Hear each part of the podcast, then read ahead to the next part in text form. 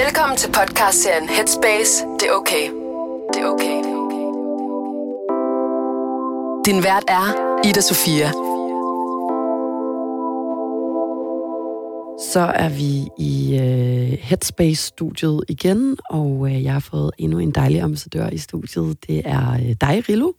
Velkommen til. Tak. Tak fordi jeg måtte være her. Du er uh, mor, og så er du influencer, og så er du jo allervigtigst af alt lige nu i hvert fald også uh, ambassadør for Headspace. Ja. Og um, som de andre, der har været i studiet, har du også valgt et uh, emne, vi skal tale om i dag. Og du vil gerne øh, tale lidt om øh, kærestesover og, øh, og, og det her med, hvordan det har påvirket dit selvværd og øh, dit billede på blandt andet din egen krop. Mm. Og øh, jeg kan jo starte med at øh, spørge dig, hvordan dit generelle forhold til sådan at tale om, hvordan du har det er. Ja, øh, nu er det godt, vil jeg sige. Øhm, det har været en lang rejse øh, at nå hen til et sted, hvor at, øh, at jeg ægte føler, at mine følelser er noget værd, og, og at det er okay at sige, hvis man har en periode, hvor man ikke har det så godt. Øh, jeg voksede vokset op et sted, i, øh, hvor at man ikke talte så meget om, hvordan man havde det, øh, og hvor at det ydre var vigtigere, at det var vigtigere at have et gameface på og, og kunne vise omverdenen, at øh, alt kørte, og alt spillede, og man så godt ud, og man, der var tjek på det hele, øh, også selvom at der måske ikke var det. Så for mig har det været en rigtig lang rejse at nå hen til et sted, hvor at, øh, at det er okay at erkende, at man, man ikke er et godt sted, og, øh, og også bede om hjælp. Men øh, det skal vi tale meget mere om, tænker jeg. Det er lige præcis det, vi skal. Og vi kan jo starte med at tage udgangspunkt i den her øh, kærestesorg, Mm. som jo er noget, vi alle sammen kender til på den ene eller anden måde, eller i hvert fald desværre nok velkommen til at kende til på et Ja. tidspunkt. Ja. Og øh, vil du starte med at fortælle lidt om, om det her forhold, som gik i stykker? Ja, Altså, hvor Øh. gammel var du? Og I slutningen af 3.G møder jeg en, øh, en rigtig, rigtig sød fyr, og øh, vi bliver kærester.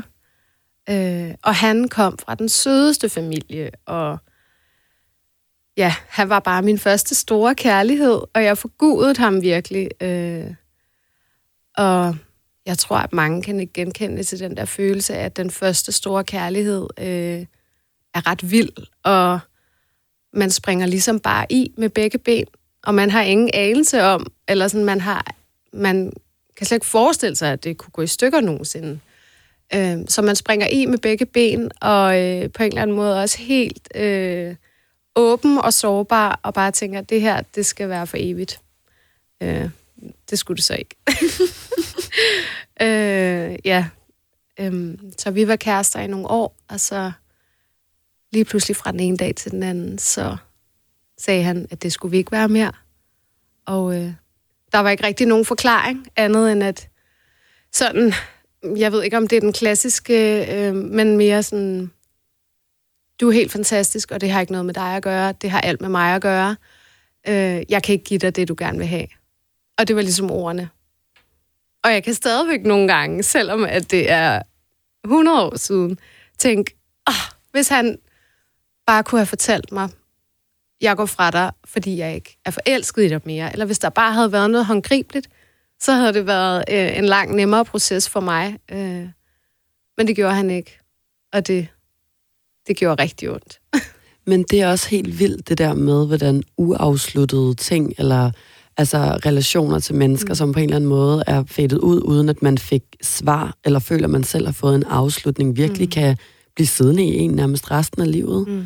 Altså, jeg kan også huske, at jeg har en, øh, en ekskæreste, som, som egentlig også forlod mig lidt på samme måde, som jeg også var hovedkulst forelsket i. Mm. Altså sådan fuldstændig netop også sådan naivt nærmest. Og, øh, og han, han var også bare sådan, jeg elsker dig, men jeg kan ikke være sammen med dig. Ja. Og så var jeg bare sådan, undskyld, hvad? Ja.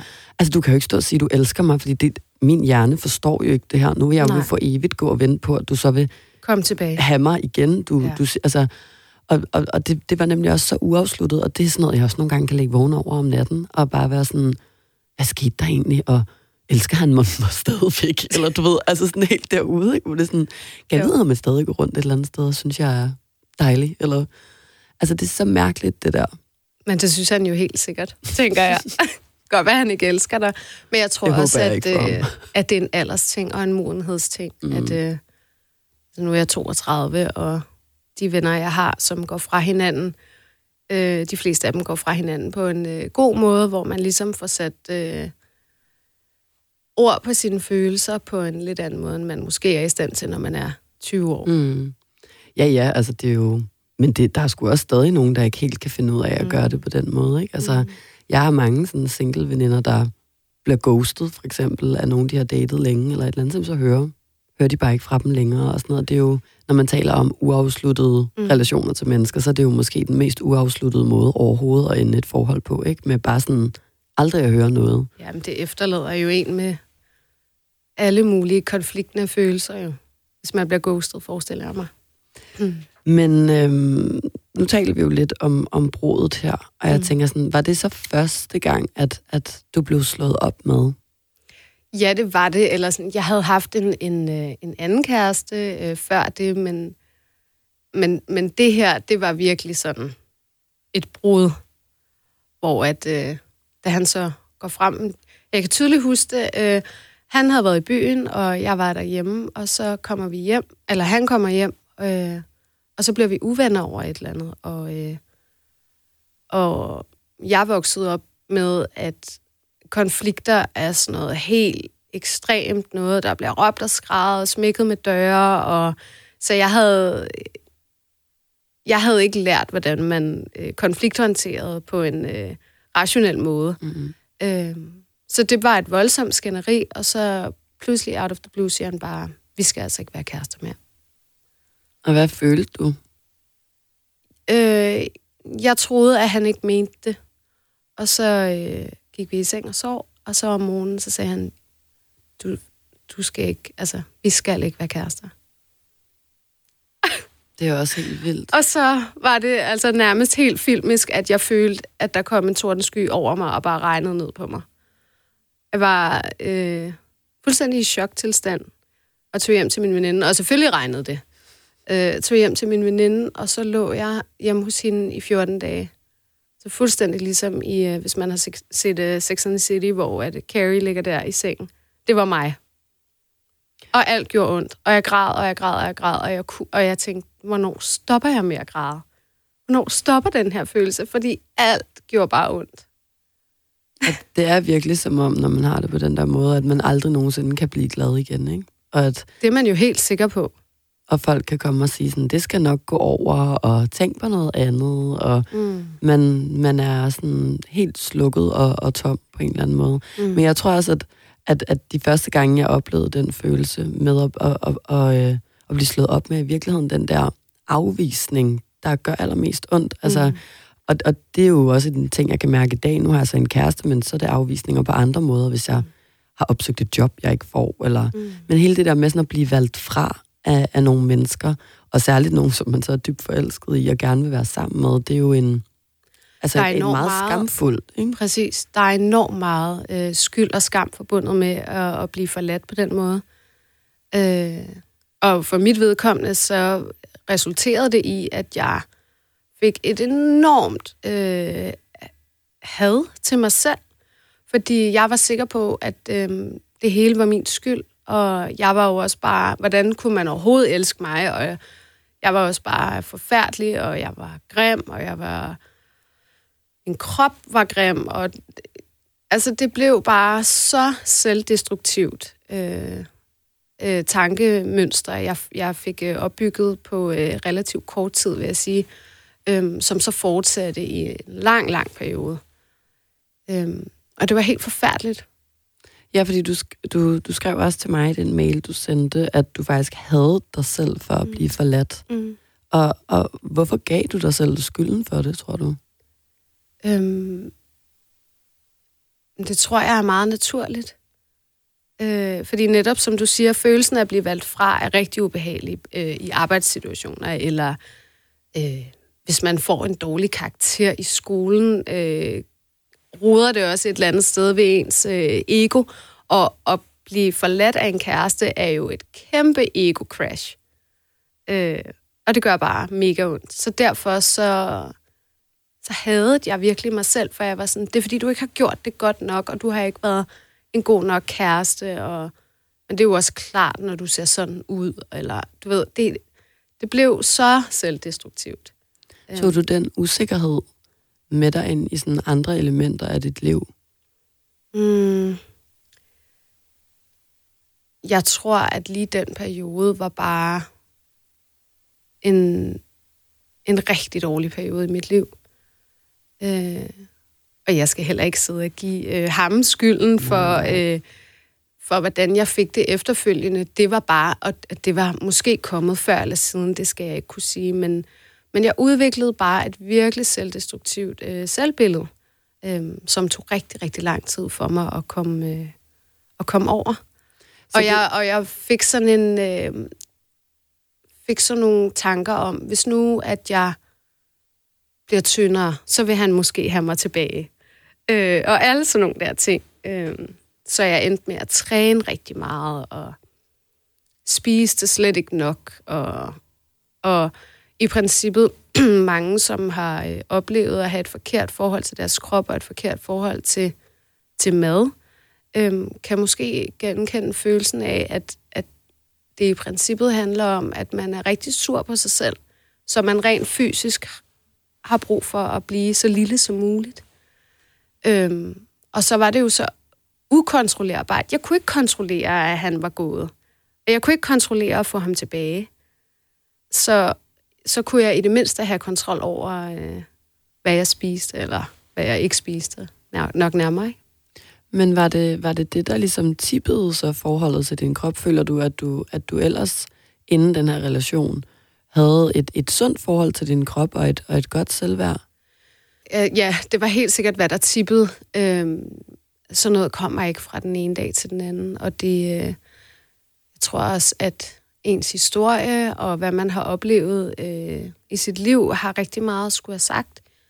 Øhm, hvis man har oplevet svigt, for eksempel fra ens forældre, og det kan være mange ting. Øhm, og der er ikke noget, der er værre. Jeg, jeg har sådan en saying, at vi har alle sammen en 100 procent. Så hvis din 100 procent er, at, øh, at din kat døde i går, så er det din 100 procent, så er der ikke nogen, der kan komme og sige, jamen, øh, min mor har haft et misbrug hele livet. Fordi det er jo ens følelser. Der har du dit eget spektrum af 100%, og i mit liv, der har jeg oplevet nogle svigt fra mine forældre. Øhm, jeg havde tre bedsteforældre, der døde inden for halvandet år, hvilket jo var en kæmpe sorg for mig, men selvfølgelig også for mine forældre, og det blev der bare ikke talt om.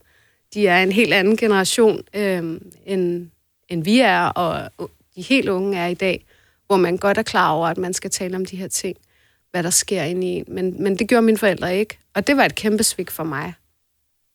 Øhm, at man ikke kunne få lov til at tale om, hvad der gjorde ondt.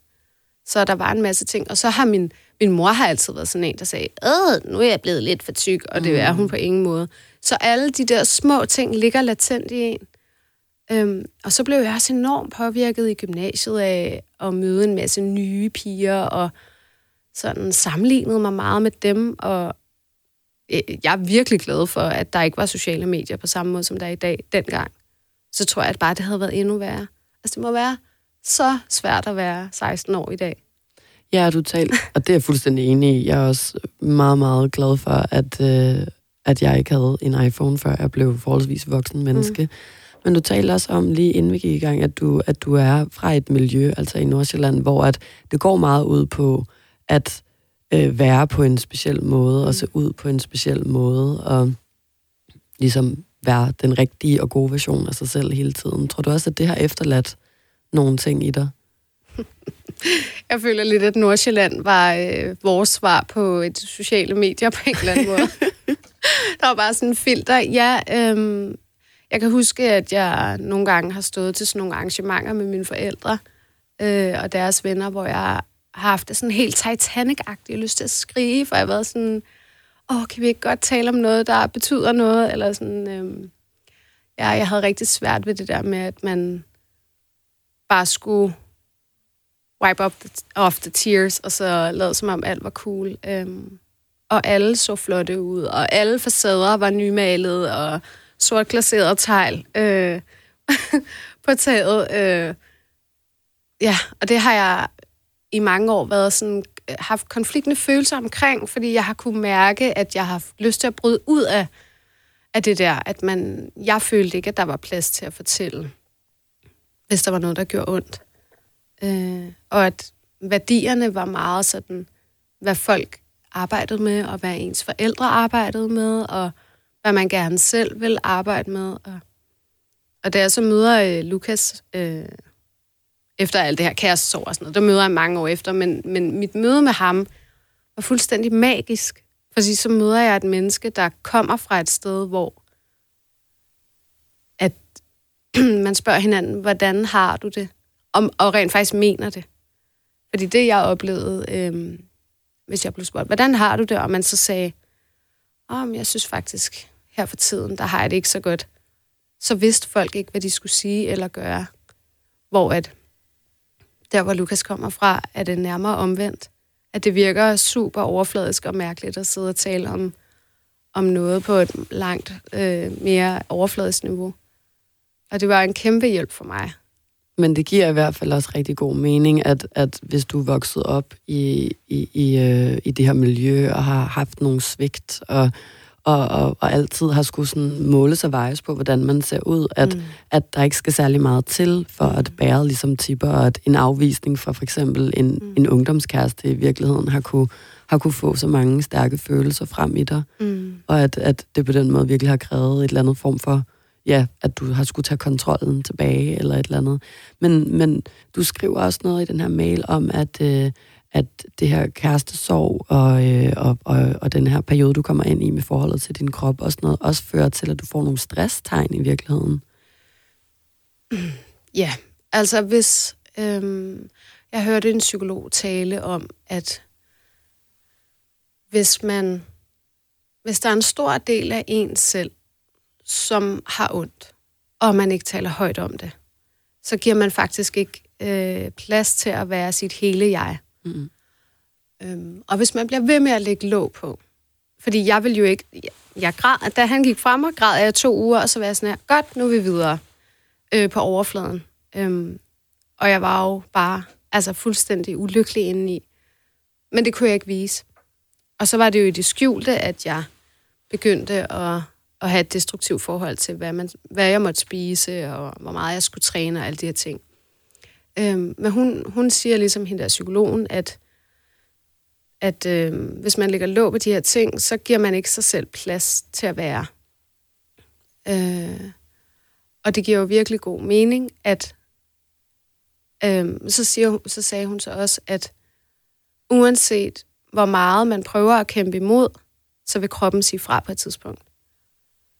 Øh, og det gjorde min krop bare. Ja, det var det, der skete. Ja det var sådan noget, så pludselig fik jeg sådan nogle snorende fornemmelser i øh, mine hænder og mine fødder. Øhm, jeg fik øh, hjertebanken. Jeg blev enormt lysfølsom. Øh, og det der med at gå på klub var enormt svært, fordi alt det der blinklys øh, stressede mig helt vildt. Øh, og jeg havde svært ved at sove.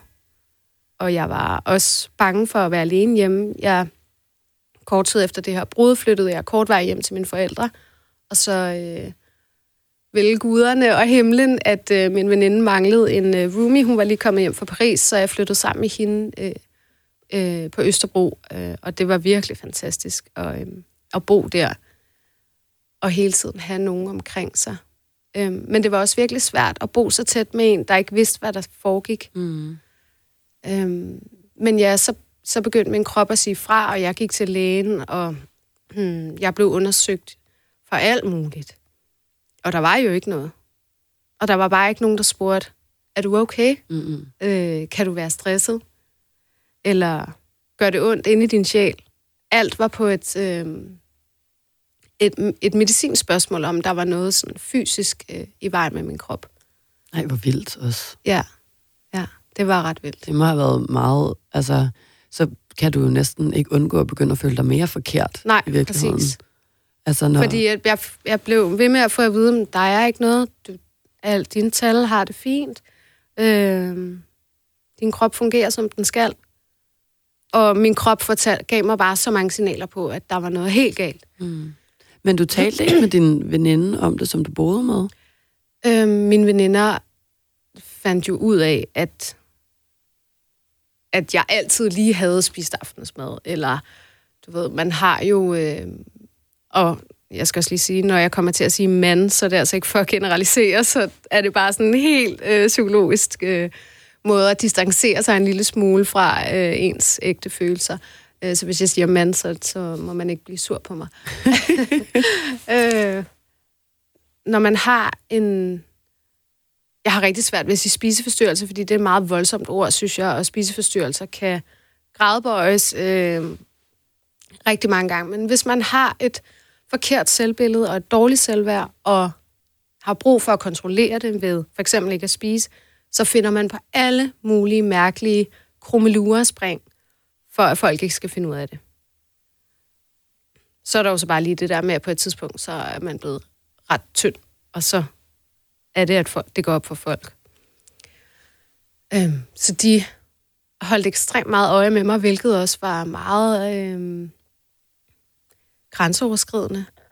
At folk pludselig begyndte at sige, hey, du er altså blevet meget tynd, og hvad, har, har du spist, og alle de der ting. Øhm, så det var jo meget heldigt for mig, at jeg boede sammen med min veninde, og vi havde den største lejlighed, så vi havde altid veninder på besøg, og vores sted var ligesom samlingspunktet, mm. så der var mange til at holde øje med mig. Øhm, Var det dem, der ligesom gav dig skubbet til at, at, at opsøge hjælp? Så? det var det. Øh, jeg fandt en fantastisk øh, psykolog igennem en af mine veninder, som selv gik til psykolog, og i hele det her, jeg havde så svært ved at fortælle, at jeg havde det svært. Øhm, og se i bagspejlet, var det bare forfærdeligt, at jeg ikke turde sige det højt, fordi da det så endelig, da det er soleklart for alle og enhver, at jeg har det svært, kommer min veninde til mig, som jeg har været veninder med i mange, mange, mange år, og siger, jeg går til hende her psykologen, hun er helt fantastisk, og jeg synes, du skal ringe til hende. Og der var jeg bare sådan, psykolog, nå, om, okay, og Hvis du ikke, hun gik til psykolog Nej. heller? Det var også helt vildt, det ikke? talte vi bare, vi talte ikke om den slags. Hold da kæft, altså. Ja. Det er jo, det er jo så i virkeligheden altså et, et virkelig godt billede på det her med, at, at når, når man først åbner op om, hvordan man har Præcis. det, så kan selv ens nærmeste i virkeligheden have gået og Præcis. båret på så stor en hemmelighed, som de heller ikke har åbnet op omkring, fordi at de har været nervøse eller. Mm. skamfulde omkring det. Ja, øhm, og heldigvis, det virker til, at tiderne har ændret sig, så at nu er det ikke på samme måde tabubelagt at sige, at man går til psykolog. Altså i starten, der var det sådan lidt i hemmelighed, at jeg gik til psykolog, og hvis folk spurgte, hvad, hvad har du lavet i dag? Når man, jeg har... Så prøvede man ligesom at finde på et eller andet, fordi det var øh, enormt sårbart at skulle indrømme, jeg har det svært. Øh, og jeg tror også, det var derfor, at jeg sagde ja til at være med øh, og blive ambassadør her, fordi jeg synes, det er et fantastisk budskab, at, at det er okay at sige højt, at man har det svært, fordi præcis som du siger, lige så snart, at, at man åbner op, så vil man finde så mange at kunne spejle sig af. Og det fandt jeg jo også ud af. Talte du med din veninde? Kan du huske sådan, at... Altså, talte I om, hvorfor I ikke havde talt om det sammen? Havde I sådan en... Nej, det gjorde vi faktisk ikke. Men det er jo det er virkelig, altså, det er jo helt vildt, ikke? At, mm. at man kan være sådan bedste veninder, og, mm. og så alligevel være, have, være så skamfuld omkring at have det dårligt. Mm. Men, men du starter så til den her psykolog, som du også nævner over for mig, virkelig sådan har givet dig nogle, Mm. nogle meget gode redskaber. Mm. Kan du, kan du forklare lidt om, hvad det var for et forløb? Jamen, det første, hun øh, beder mig om, det er at kigge tilbage på nogle episoder, hvor at man har følt sig svigtet, øh, eller efterladt, eller dårligt behandlet. Og så det er altid ekstremt grænseoverskridende at starte til en psykolog, for man skal altid fortælle om ens barndom, og hjerte, hjerte, hjerte, og det er også, hvor man tænker, hvor vil du hen med det her? Men det giver bare rigtig god mening i sidste ende. Øhm, hun beder mig om at sætte ord på nogle forskellige episoder, og så sagde hun, øh, nu vil jeg gerne bede dig om at, øh, at stille dig ved siden af, altså som du er nu, ved siden af pigen på 10 eller 12, eller hvor gammel man nu er. Og hvad, hvad vil du sige? Hvad vil du gøre? Og så sagde jeg bare, jeg vil give hende et kæmpe kram. Og den der, altså allerede der, når, når du... Jeg var så syllet ind i, at jeg ikke var god nok, og jeg var forkert, og jeg var grim, og jeg var... Jeg var så tavlig over for mig selv, og jeg var ikke i stand til på det tidspunkt at give mig selv et kram. Men jeg kunne godt kigge tilbage på, hvad der var sket øh, i mit liv, og gå tilbage og give mig selv et kram der. Og der startede min rejse for at give mig selv selvkærlighed og nå til det punkt, hvor jeg er i dag, hvor at jeg hanker op i mig selv, hvis jeg har en dag, hvor jeg er sådan, uha, hvordan er det, du ser ud, eller bare, og det er sådan nogle små ting, som, som man skal printe ind i sin øh, hjerne, fordi ens hjerne er jo fuldstændig som en computer, og øhm, det, der bliver indkodet, det er rigtig svært at omprogrammere. Øh, og og det hjalp hun mig med at omprogrammere min, øh, min måde at tænke på om mig selv. Øh, ja. Og har det, har det haft effekt, altså sådan den dag i dag, mm. når vi sidder her, føler du så, at, at det virkelig sådan har ændret noget? Har du et godt selvbillede? Er du glad for den måde, du ser ud på nu? Eller fylder det måske bare ikke på samme måde i dit, i dit hoved? Øhm, nu har jeg jo to piger, og der sker også rigtig meget, når man øh, bliver gravid og tænker, hvad, hvad vil jeg gerne give? Og så skulle jeg have piger, og jeg var sådan... Jeg var helt sikker på, at jeg kun ville kunne få drenge, og det kan jeg tydeligvis ikke. øh, så for mig er det jo endnu mere vigtigt at indprinte i, i deres øh, computer, at man er god nok, som man er. Øhm, så hvis jeg, og, og jeg tror, det er meget naturligt, at man øh, nogle dage tænker, hold da op, hvor ser du træt ud, eller nå, du blev 80 i løbet af natten, øh, hvad skal vi gøre her? Øh, men virkelig bare sørge for at hanke op i mig selv. Øh, og jeg kan også godt, når jeg sidder på Instagram for eksempel, Lukas han går nogle gange ind og laver sådan en øh, check på min, øh, på min Instagram-feed, eller den der udforsk, mm. hvor han også siger, bare lige, så er du med på, alle de piger, du har på din Instagram-udforsk, er 20 år, og har ikke født nogen børn, og øh, er utrolig solbrun, og øh, har meget flot hår, og sådan, altså det der, det kan aldrig være sundt for dig, hvis det er det, du helt konstant putter ind i din hjerne. Mm-hmm. Øh, og han har jo fuldstændig ret. Og man skal bare virkelig huske at kigge på sig selv med kærlighed. Fordi det er virkelig svært, især også når man så får sådan nogle øh, reklamer på Instagram for, øh, her kan du øh, ændre hvordan din mave ser ud, og du, der er jo alle mulige apps, hvor du kan fuldstændig ændre på, hvordan du ser mm. ud. Og jeg bliver rasende, når jeg ser det. Øh. Ja, det er også, altså, det er virkelig med til at give et meget, meget forskruet billede af, hvordan verden i virkeligheden ser ud, ikke? Og hvordan, altså det her med decideret nærmest opfordre mm. folk til at redigere deres billeder, så de kan se ud på en anden måde, er jo også virkelig også et billede på, hvor langt ude vi egentlig er kommet i den her perfekthedskultur, hvor at man skal se ud på en meget, meget bestemt måde, og ja. have det her Instagram-look i virkeligheden på en måde. Ikke? Vi, skal, øh, vi skal til at runde lige så stille af, men, og du har egentlig givet nogle ret gode råd allerede, synes jeg. Men hvis du sådan skal opsummere din, dit sådan bedste råd til unge mennesker, der kan være et sted, hvor du også har været, enten i den her kærestesorg, eller i den her proces, hvor du havde det her mm. vildt dårlige forhold til din krop? Hvad vil du så runde af med at sige? Man kan ikke undgå at gå igennem livet uden at have svære perioder. Øh, og det er helt okay at have svære perioder. Og så igen det der med, at ens 100 procent, fordi tit så kan man også godt tænke sådan, ej, men så slemt har jeg det jo ikke. Øhm, og så lære forskellen på empati og sympati, at det er vigtigt at blive mødt i de følelser, man har. Finde nogen, der faktisk møder dig, så hvis du går hjem øh, til din kæreste og siger, jeg har det så svært med det her, at han så siger, det kan jeg godt forstå, fortæl mig mere om det, snarere end at han så siger, nå, men du skal jo tænke på, at du har det og det. øhm, er vigtigt at prøve at finde et eller andet kompas, et ægte kompas, og finde nogen, der du, du virkelig stoler på til at åbne op. Og så, øhm, nu har jeg bare læst, at der er rigtig mange unge, der har tankemøller. Og det har jeg selv haft rigtig meget, og der fik jeg et rigtig godt råd af min psykolog. Hvis man har tankemøller og ikke kan sove, og man bare sådan, øh, man føler, at ens hoved eksploderer, så sæt dig ned foran din computer og skriv alt ned. Og du skal slet ikke tænke over, hvad der står. Øh, du skal bare skrive alt, hvad der er i dine tanker, fordi de flyver jo, og det kan være fuldstændig vulapyk. Du skal ikke tænke på at lave mellemrum mellem ordene. Du skal bare have det fysisk gennem hjernen, ud i fingrene, ned på tastaturet. Og når du så føler, at nu er der ikke mere, så sletter du bare. Du kigger ikke tilbage. Du skal ikke se, hvad der står. Bare slet det. Øhm, og det kan også godt virke sådan helt psykotisk at sidde og bare taste løs, men det har virkelig hjulpet mig. Øh, fordi det er som om, at lige så snart, at det kommer ud, så giver det en kæmpe forløsning. Mm. Så det tror jeg er mit bedste råd. Tak for dem. Det var så Og tak fordi du ville være med. Selvfølgelig. Lyt til Headspace, det er okay overalt, og husk at abonnere, så du ikke går glip af næste afsnit.